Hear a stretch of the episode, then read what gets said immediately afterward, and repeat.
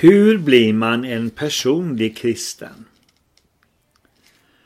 Nu kanske det är dags att prata om hur man blir en personlig kristen. Det är ju inte alls säkert att du tror på eller accepterar så värst mycket av det jag har sagt till dig i min podd. Men i vilket fall som helst så är det ju en naturlig del av den här podden att berätta om och ge vägledning till hur man blir en personlig kristen med ett eget ställningstagande och beslut att följa Jesus och hans undervisning.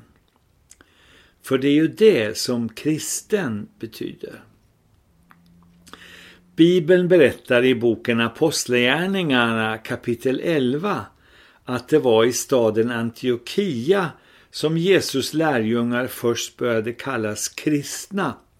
Och det betyder minikristusar som agerar och pratar och tänker ungefär som Jesus. Apropå det så minns jag när jag för många år sedan tillsammans med en kristen kvinna gjorde intervjuer med folk efter ett frågeformulär om de trodde på Gud, om de bad, om de gick i kyrkan, om de läste Bibeln, om de trodde på Jesus. En man svarade nej på alla frågorna. Så skulle vi avsluta samtalet och gå vidare när han sa Det var en fråga ni inte ställde. Hade ni frågat om jag var en kristen så hade jag svarat ja på det. Men att vara kristen är ju inte att vara allmänt trevlig eller god utan det handlar ju om att ha en relation med Jesus Kristus. Här kommer några vägvisare till att bli en personlig kristen och börja på vägen att vara en lärjunge till Jesus.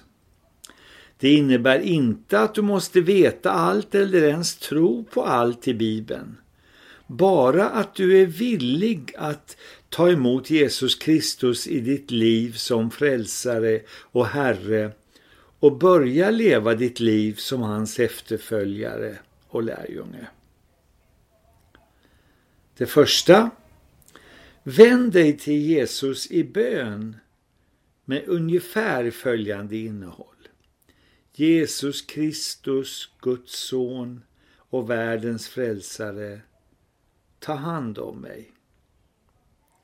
Förlåt min synd och fräls och rädda mig.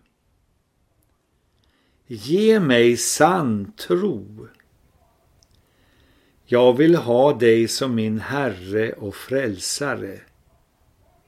Led mig framåt på din väg. Ungefär så kan du be. För det andra, börja tala om för både Gud och dig själv och andra att du har lämnat ditt liv åt Jesus och vill följa honom och vara en personlig kristen. För det tredje, börja tacka Gud, tacka Jesus för olika saker, små och stora. Du kan göra det tyst inom dig, men det bästa är att du gör det så att det hörs åtminstone för dina egna öron. För det fjärde, träna dig i att känna Jesus närvaro i ditt liv. Bli medveten om honom och småprata ständigt med honom. För det femte, skaffa dig mer kunskap om detta nya liv. Läs Bibeln eller lyssna på Bibeln och berättelser om kristna upplevelser. Lyssna på sånger och sjung själv till Gud. Börja gå på gudstjänster eller lyssna på gudstjänster genom tv eller internet. För det sjätte, börja leva för Gud och för andra människors bästa och tänk lite mindre på dig själv.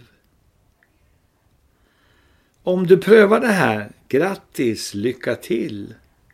Hälsningar från morfar.